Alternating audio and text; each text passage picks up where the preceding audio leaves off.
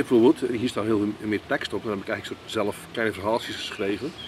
Die een andere kijk geven op hoe er naar hem gekeken wordt. Dus ik hoop als ik dit verkoop, dat in de toekomst archiefmateriaal wordt. En dat, dat er dus, hier kun je dus, zoals ik nu zelf in archieven zoek naar vondsten over zijn leven, hoop ik dat dit ooit een vondst wordt over zijn leven. Je luistert naar de podcast Jantje in Kwadraat.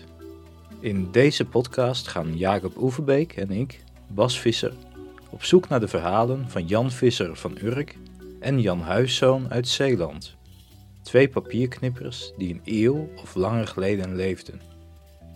En we spreken met hun hedendaagse navolgers, Henk Kapitein en Tony Dieleman. In deze vijfde en helaas alweer laatste aflevering praten we met Tony en Henk over de kunst van het papier knippen en snijden. Hoe moeten we het werk van beide Jannen beoordelen? We spreken eerst met Henk. Wat zegt de techniek van Jan Visser over zijn kwaliteiten? Wat mij opvalt als ik bijvoorbeeld dat, dat werk van een kerkje is, hij, hij speelt heel erg met het perspectief en met, met de ruimte. En dat, dat bepaalde dingen zijn dichtgeklapt en dat je um, een kerkje is afgebeeld. Je ziet het trappetje in een kerkje bijvoorbeeld, naar boven toe. En de stoelen in een kerkje. Dus ook binnen en buiten. Dat, dat loopt door elkaar heen.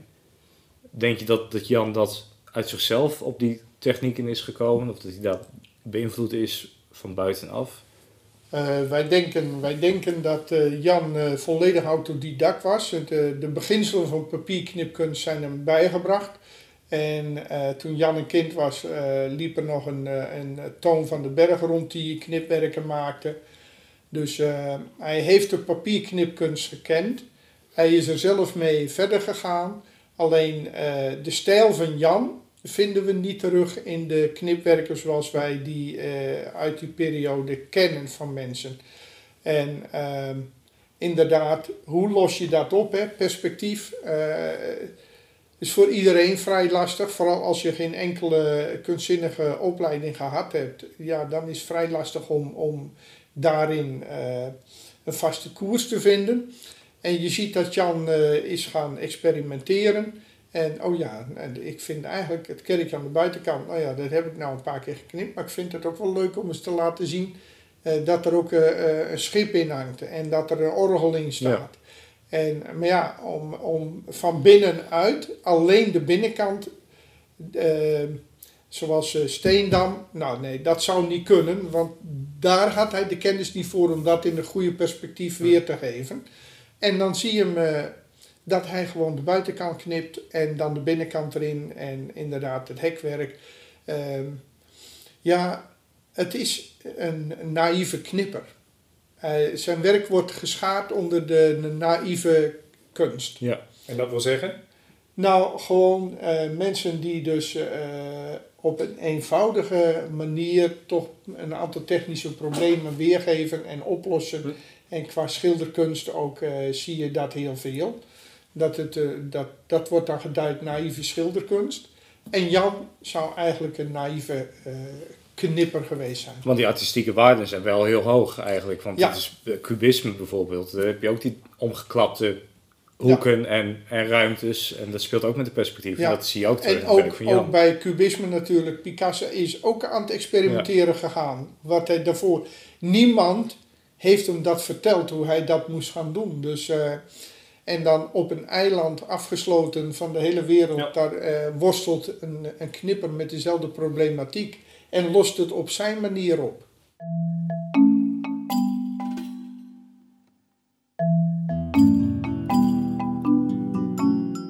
Wat Jan voor mij waardevol maakt, en niet alleen voor mij, uh, ook voor de hele papierknipkunst. Papierknipkunst was een, uh, een elitaire uh, kunst.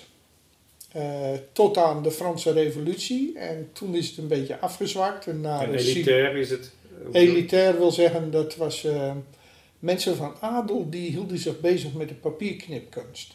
Johanna van Koerten, uh, die een hele rijke man had en die een apart atelier had waar alleen de upper ten van Nederland naar binnen mocht. om een knipwerk te kopen tegen exorbitante prijzen.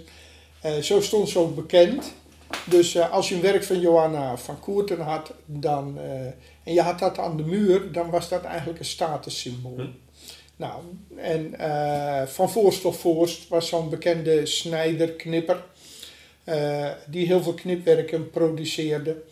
Dus je, je ziet, het, het, het, het is een elitaire kunst. En dan, eh, in, ten tijde van de Franse Revolutie, degradeert het eh, eigenlijk naar silhouetjes. En eh, in Nederland is de techniek dankzij die volkskunst wel bewaard gebleven. Hè? Hoe hanteer je een schaar en hoe los je bepaalde technische problemen op bij knippen. Dus er is niks mis mee met een volkskunst. Maar je ziet dat een, een Jan de Knipper geprobeerd heeft om er toch meer cachet aan te geven. Dus eh, een, een, een afbeelden van een kerk op een formaat eh, wat in die tijd in de knipwereld volstrekt niet bekend was. En Jan durfde het aan om dus inderdaad de knipwerk van een meter bij 60 centimeter te knippen. Hij nam het serieus. Hij nam het heel serieus. Hij eh, nam er de tijd voor. En hoewel het een compilatie was en niet uit één stuk, was het wel een groot knipwerk. En eh, knipwerken van allerlei formaat, verschillende onderwerpen, maar met de teksten erbij om het toch wat extra mee te geven. Ja. En, en dan denk ik van ja, Jan heeft eh, in zijn eh, wereld, in zijn tijd, op zijn manier, de knipkunst heeft hij eh, behoorlijk onder de aandacht gebracht van eh, de kunstkennend Nederland. Hm. Eh, als je in de Arten van Scheen opgenomen wordt als papierknipkunstenaar in die tijd, dan heb je wel wat in de melk te brokkelen, bij wijze van spreken. Hè. Daar droomt menig kunstenaar tegenwoordig van dat ze erin gezet zouden worden. En die halen dat niveau niet. Dus ehm, wat dat betreft ehm, heeft Jan heel veel betekend voor de papierknipkunst.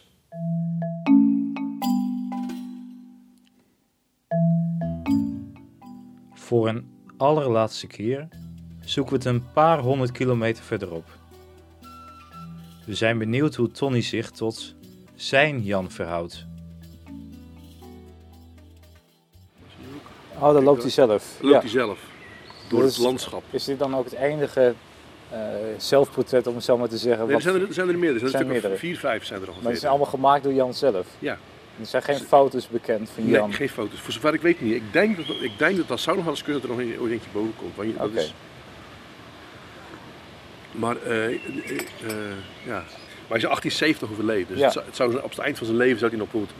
Ik denk dat hij zou ergens op de markt op de foto kunnen staan. Als, een- er iemand, weet je, zo, zoiets. En dan ook, dit is ook, dit is dan een lied van mezelf, maar dat heb ik dan helemaal gemaakt naar zijn kunst. De eerste knecht staat en er staat een boer en twee paarden, en vogels, en nee, zo'n soort een, een, een landbouwtafereel eigenlijk. En ik heb dat dan, dan ben ik daarmee bezig, ben ik zo'n liedje aan het schrijven en ga ik altijd naar even in, in, in- bij Jan in zijn werk kijken van oké, waar, eh, waar, kan ik, waar kan ik het vinden, dit verhaal. En hoe, eh, en dan, eh, ja, dan, zoek ik het, dan zoek ik het op en dan eh, gebruik ik het voor het liedje, dan, wordt, dan breng ik het allemaal samen. Dus je, je legt je eigen teksten echt naar zijn beeld van Ja. Jan. Ja. Dus zijn, zijn beeld, zeker, eh, beeldspraak, zeker, zeg maar. zeker zijn beeldspraak en zijn symboliek en zijn, eh, eh, ja. En ik probeer ook zijn leven dus inderdaad, zoals ik natuurlijk al zei, uit te beelden in tekst en in... Kijk, dit bijvoorbeeld, hier staat heel veel meer tekst op, dan heb ik eigenlijk soort zelf kleine verhaaltjes geschreven die een andere kijk geven op hoe er naar hem gekeken wordt. Dus ik hoop, als ik dit dan verkoop, dat in de toekomst archiefmateriaal wordt. En dat, dat er dus, hier kun je dus, zoals ik nu zelf in archieven zoek naar vondsten o- over zijn leven, hoop ik dat dit ooit een vondst wordt over zijn leven. Snap je? En, je, eh, je, je geeft weer iets terug aan het verhaal van Jan. Ja, zeker. Dat vind ik, Ja. dat is heel belangrijk. Dat vind ik heel belangrijk. Want wat, waar het zit een, het onderscheid, je zegt van eh, eh, ik hoop dat ze anders gaan kijken naar, eh, naar het leven van Jan. Of eh, wat, wat, is, wat is het beeld wat ze nu hebben en wat diep jij op? Nou, hij is heel erg eh, neergezet als een, als een arme eh, sukkelaar, zeggen wij dan. Een sukkelaar zeggen we dan. Een, een arme bedelaar die, die dan eigenlijk sliep en dan uit een soort van enorme dankbaarheid zo'n preintje maakte. En eh, ook allemaal heel erg dat nederige, wat hij Ja. ongetwijfeld gehad zou moeten hebben. Want anders kun je niet, in die tijd niet handel drijven, denk ik. Maar dat is niet wie iemand is. En iemand, je bent niet alleen maar je zware leven. Je bent ook je vreugde en je liefde en je. En, je, en het werd eigenlijk op die manier een beetje gepresenteerd als iets amateuristisch. Terwijl ik denk dat het is heel erg, een, echt, het was echt een, een, eh, een kunstenaar die, die gewoon duizenden werken verkocht heeft. Dat is geen amateurisme meer. Dat is echt een, een, een, een vak. eh, Een eh, ambacht, een een praktijk. ambacht, een, een vakman, een, eh, een, eh, ja, ja, zowel in het maken als in het, het verkopen. Die toon blijft dan dus bewaard.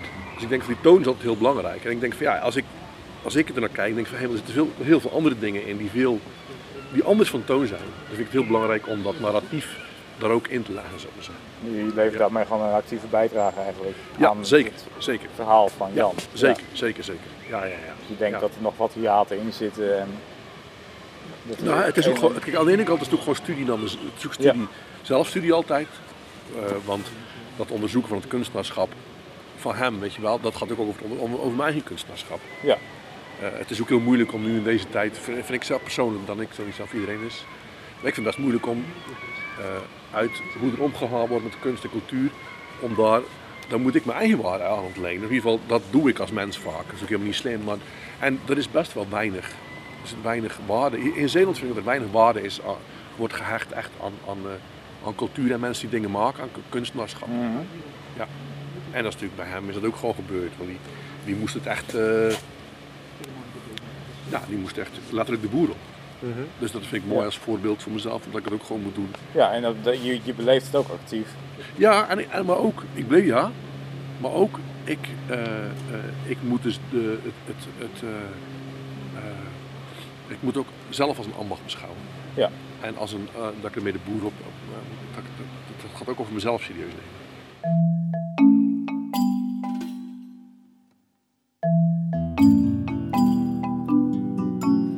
Dus als je kijkt naar hoe we nu kunstenaars zien, als ik een aanvraag doe bij de subsidie of een subsidie of iets bij de provincie, dan moest ik, eh, eh, ik heb er een motto voor gehad, dat vond ik belachelijk. Dan moet je vrijwilligerswerk stimuleren, eh, onderlinge samenwerking tussen andere kunstenaars. Je moet met instellingen samenwerken. Die zijn in Zeeland allemaal zo traag als vak. Echt, en, en ouderwets en, en op zichzelf gericht, helemaal gesloten. En dus dan pas is mijn kunst iets waard. Als het dus andere, als het, context. eh, als het andere dingen, als het andere dingen kan, eh, kan eh, het moet andere dingen opheffen.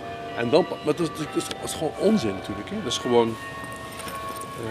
dat, dat, dat vragen ze ook niet van een, van een boer die, die subsidie krijgt.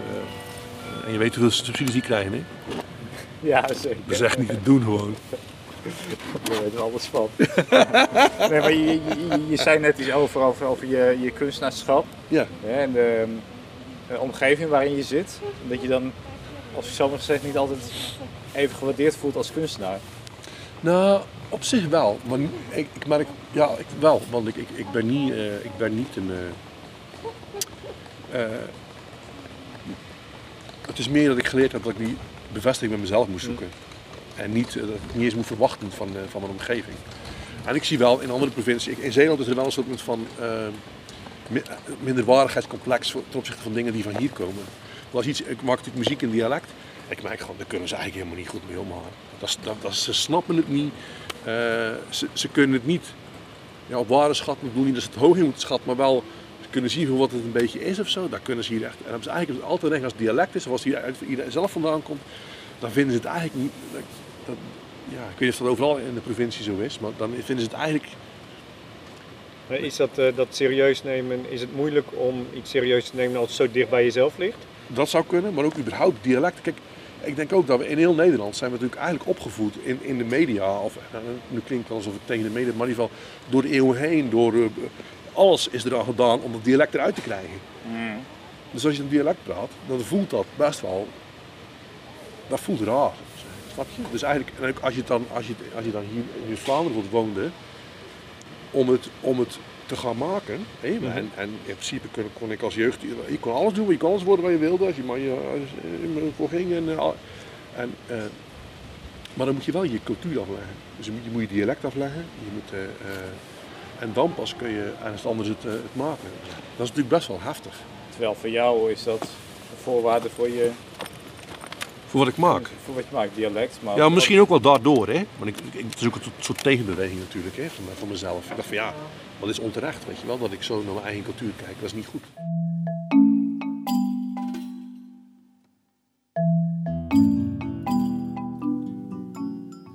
En van Zeeland weer terug naar Urk. Wat betekent het werk van Jan Visser voor Henk Kapitein?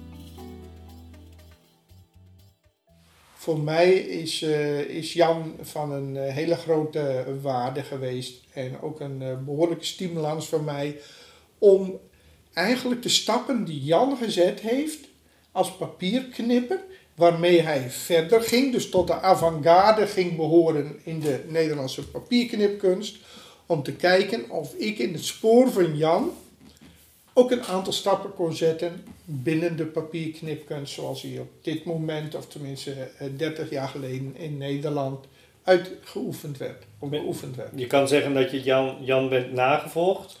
In wezen heb ik ehm, eh, in de traditie van Jan, die dus iedere keer toch wat nieuws uitprobeerde, heb ik geprobeerd om eh, eh, iedere keer een bepaalde stap te zetten in de papierknipkunst.